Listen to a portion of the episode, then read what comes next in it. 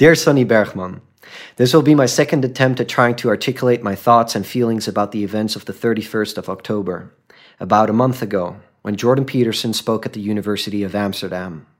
I intended to write you a letter afterwards, immediately, but soon found out that I needed more time. I hope you'll take it to heart that I'm not over exaggerating when I say that it has taken me an entire month to recover from the event, having been in complete distress the first two weeks after the event in particular. It has been an absolutely bizarre experience for me to suddenly be approached and cautioned by both friends and family, who have more or less forced me to consider whether I should get in contact with a lawyer to deny you the permission of using footage of me for your new documentary or not.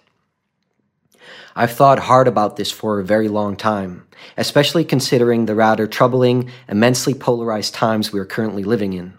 But as it's not really my nature to retract, and seeing that I do not believe I've said anything preposterous that day, I've chosen not to get in contact with a lawyer. There are, however, a few things I would like to get off my chest. I don't think I have to mention that public opinion is quite divided when it comes to Peterson, ever since he came into the limelight nationally with Bill C 16 in Canada and became more internationally known, especially after his interview on Channel 4 with Cathy Newman in the UK.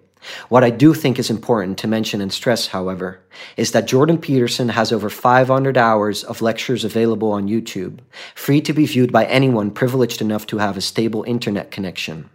On top of this, Peterson has ran a clinical psychology practice for decades. One does not have to delve very deep to find out that there's much more to Peterson than his political utterings, a fact that unfortunately seems to be either accidentally or willfully ignored by many. The reason I like to mention and stress this is because even though one has all the right to disagree with Peterson's political stances, I think that it's unquestionable, considering the overwhelming amount of information out there on the web, that Peterson, Peterson's psychological lectures have had a very positive impact on a tremendous amount of people's personal lives, which has absolutely nothing to do with politics. This brings me to the first thing I want to get off my chest. By the end of the interview that day at the University of Amsterdam, Peterson broke up in tears. As this was happening, and I'm far from ashamed to admit this, I could not help but let a few tears roll down my cheeks as well. You see, not only has Peterson, dare I say it, helped me understand my own gender identity, if you will, but bumping into Peterson's lectures about two years ago can be conceptualized as my first few steps on the road to recovery. I don't feel particularly comfortable sharing intimate details about my personal life, so all that I'll say is that I have had quite a strange time on this earth, marked by plenty of moments where I've seriously pondered whether it would be better off if I put an end to it. Now, I'm not special. I know that this is a reality many other people can relate to, but I wouldn't say that this reality is common. What is common, or likely at the very least, is that people finding themselves in such a situation benefit a great deal by seeing a psychologist. I waited more than two hours that day to hopefully get to say thanks and shake the hand of a psychologist who has helped me a great deal, but I ended up talking to a documentary maker instead. Life's weird. Now, there was a particular moment that day where I asked you, as you were filming, what you thought of Peterson breaking up in tears by the end of the interview, and how this added up to your idea of Peterson supposedly promoting some sort of aggressive, alpha male, hyper masculine form of masculinity. You responded by saying that you find his tears forced, and even went so far as to say that you thought his tears were politically motivated. I think it's fair to assume that a particular individual might be very skilled at acting, enabling this person to fake tears quite convincingly. But I really do hope that you too would find it a bit too much of a stretch to also suppose that every follower of Peterson must be acting if they are tearing up, or must be lying when they are writing elaborate letters to him on the internet about how his lectures have improved their lives. And this is what bothers me. The reason why I was quite tense, as I'm afraid will be seen in your new documentary, is due to this feeling I had in my gut. The feeling that you seemed to be quite convinced that you knew who all of these people were that were standing in front of you as you were filming, without showing the slightest intention to check whether this conception was actually true. If one accidentally or willfully chooses to ignore that there's much more to Peterson than his politics, it's easy to buy into the idea that the young folk that flock to him are nothing but fanatics of some sort of conservative, conservative political figure.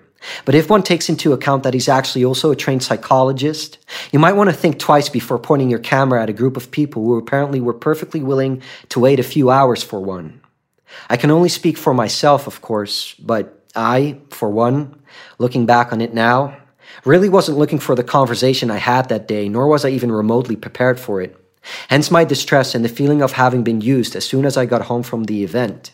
My stomach still turns when I think of that day, and I don't think I'm ever going to talk to someone holding a camera again if I can't properly see and read their face. I hope I've learned my lesson. This brings me to the second thing I want to get off my chest. The internet is full of compilations of young people being asked a bunch of tough questions, whether political or purely intellectual, often with hilariously disastrous results. Now, whether one has to do with badly read Foucault or badly read evolutionary biology, I believe that in either case you're probably not going to get answers that are of any use. My point being, besides the concern I've tried to raise of pointing a camera at a group of people who are most likely waiting for Peterson for his psychological work rather than his political utterings, I don't think it's very fair nor productive to have gone out there and ask a bunch of hard questions as if you're casually asking a group of people how they find the weather outside. Not only are these tough questions, but also taking into account the controversy prior and surrounding the entire event, the fact that the presence of a camera is likely to make just about everyone a little nervous, and the sheer amount of people who were there, leads me, leads me to believe that this is far from an environment to appropriately research the subject you are investigating, if your intention is to find careful and honest answers, that is. It could also very well be that you found exactly what you were looking for. There's a particular moment which immediately springs to mind, where a young, mom, young woman who ended up being so wise as to, to deny you the permission to use footage of her right on the spot mentioned how she thought it was ridiculous that people could not see that men and women are different, that women supposedly take care of stuff while men supposedly go out to hunt. To which you responded by rather sarcastically turning to the men that were around and asking them, Um, guys, do you hunt? Like I said, Taking into account the entire rush that is triggered by the presence of a camera, the amount of people that were there, and the entire controversy prior and surrounding the entire event, combined with the nature of all the questions you asked, I find it really hard not to view this as intellectually dishonest and deliberate provocative behavior. I'm sure this particular situation is not going to be in the documentary, seeing as the person who said this denied you the right to do so. But had this not been the case, I could see how this easily could have been framed as some sort of wacky attempt by someone to justify oppressive stereotypes of both sexes.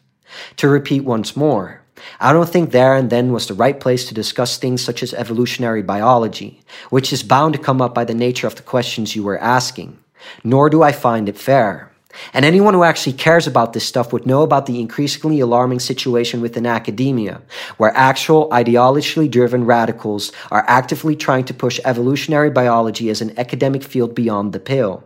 The danger of the tragic and worrying events at Evergreen State College, Washington, U.S., with Bret Weinstein and Heather Heying, now two evolutionary biology professors in exile, in my view, can't possibly be stressed and talked about enough. Thirdly, and perhaps most importantly, I find it very curious that when you were asked to define masculinity, you said that you did not know what masculinity is because you don't think it exists. Yet, when you were asked what toxic masculinity is, you had a long, prepared answer. This is philosophically inconsistent. With all due respect, you can't say that masculinity doesn't exist while at the same time proclaiming that toxic masculinity does exist. My apologies for becoming a bit technical here, but you can't have an existent variant of a non existent, socially constructed illusion. There's either normative behavior of both sexes, justifying the existence of the very terms masculinity and femininity, or it's all socially constructed, by which you would logically have to abandon these terms altogether, as according to this viewpoint, they are totally illegitimate, are of no use whatsoever, and even become harmful. And it's quite baffling me, it's and it's quite baffling to me to have found out that this discussion has already been going on for a while, for far longer than I had ever expected. To quote Robert Moore from his book, King, Warrior, Magician, Lover, published in 1990. Why is there so much gender confusion today?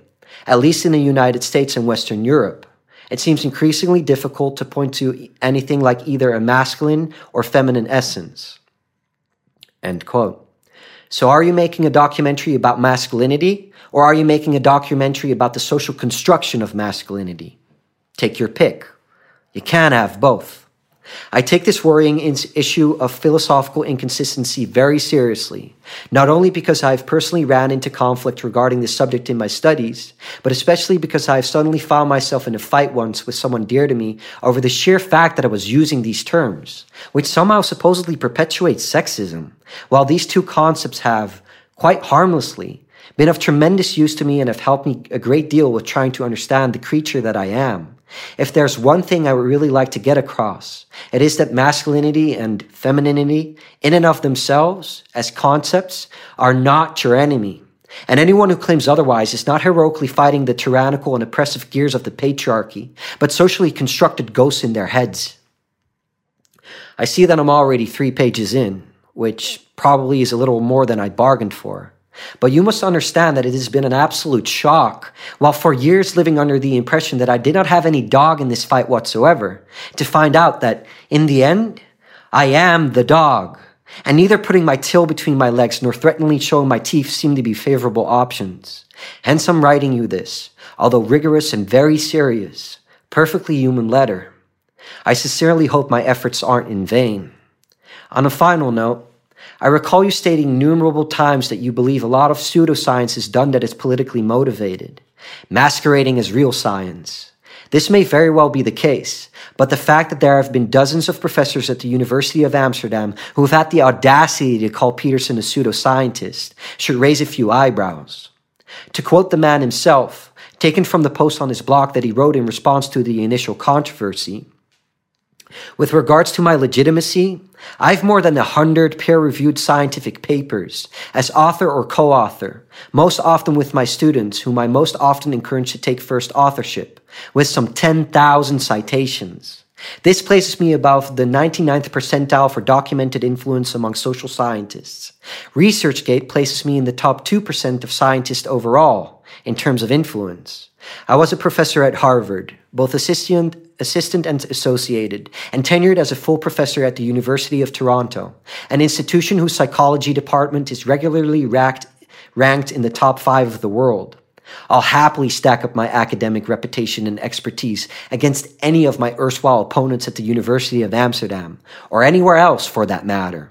Of course, they regard such metrics as mere indicators of the patriarchal, tyrannical, male dominated, racist, neocolonial academic hegemony, but benefit from precisely the same hypothetically corrupt system. So I don't think this objection needs to be taken too seriously. End quote. And later on, he states in the same post, the mere fact that most of those who are objecting to my existence cannot generate an audience that is not compelled to attend their lectures by necessity does not indicate that my comparative popularity is indicative of pure entertainment. And the supposition that those firmly committed ideologues who are opposing my views, who so often criticize science itself as nothing more than a Eurocentric, bigoted, power hungry extension of the tyrannical Western patriarchy, can, can so conveniently wrap themselves in this situation in the mantle of rigorous scholarship, critical thinking, and scientific standards is laughable to a point well beyond absurdity. Really? The politically correct claiming their allegiance with objective science and rigorous scholarship, it truly is the case that truth, that truth can be stranger than fiction. And if you have no idea what he's talking about here, I'd seriously urge you to check out the following six minute video titled Academics Expose Corruption in Grievance Studies. Considering my personal situation, the fact that I believe that any maker of cultural products bears a heavy responsibility and should work with a strong sense of integrity, as well as the current situation in the world at large. I hope that you understand that instead of contact contacting a lawyer, I felt that I had to write you this letter at the very least before your new documentary is up in the air and running. Being very high in trait agreeableness, I'm naturally inclined to choose the path of least resistance. But I also know what it's like to give way and bend over so far that you break, which is something I intend to avoid right now as well as in the future. Lastly, there is a reason why this entire event still doesn't sit well in my stomach, and I don't think I'm naive about it. I'm fully aware of the fact that some of the things I've said in this letter, let alone the parts you may or may not have chosen to include in your next documentary, may push people to consider themselves my enemies, even though these hypothetical enemies would have no idea of who I am or where I come from. I must admit that I'm not particularly excited about this, but alas, there's, there's only so much one can wish for. But if there's one tiny wish I could have granted, however, I'd wish for the following quote to be true. An old alchemist gave the following consolation to one of his disciples No matter how isolated you are and how lonely you feel, if you do your work truly and conscientiously, unknown friends will come and seek you. If this is true, I look forward to meeting them.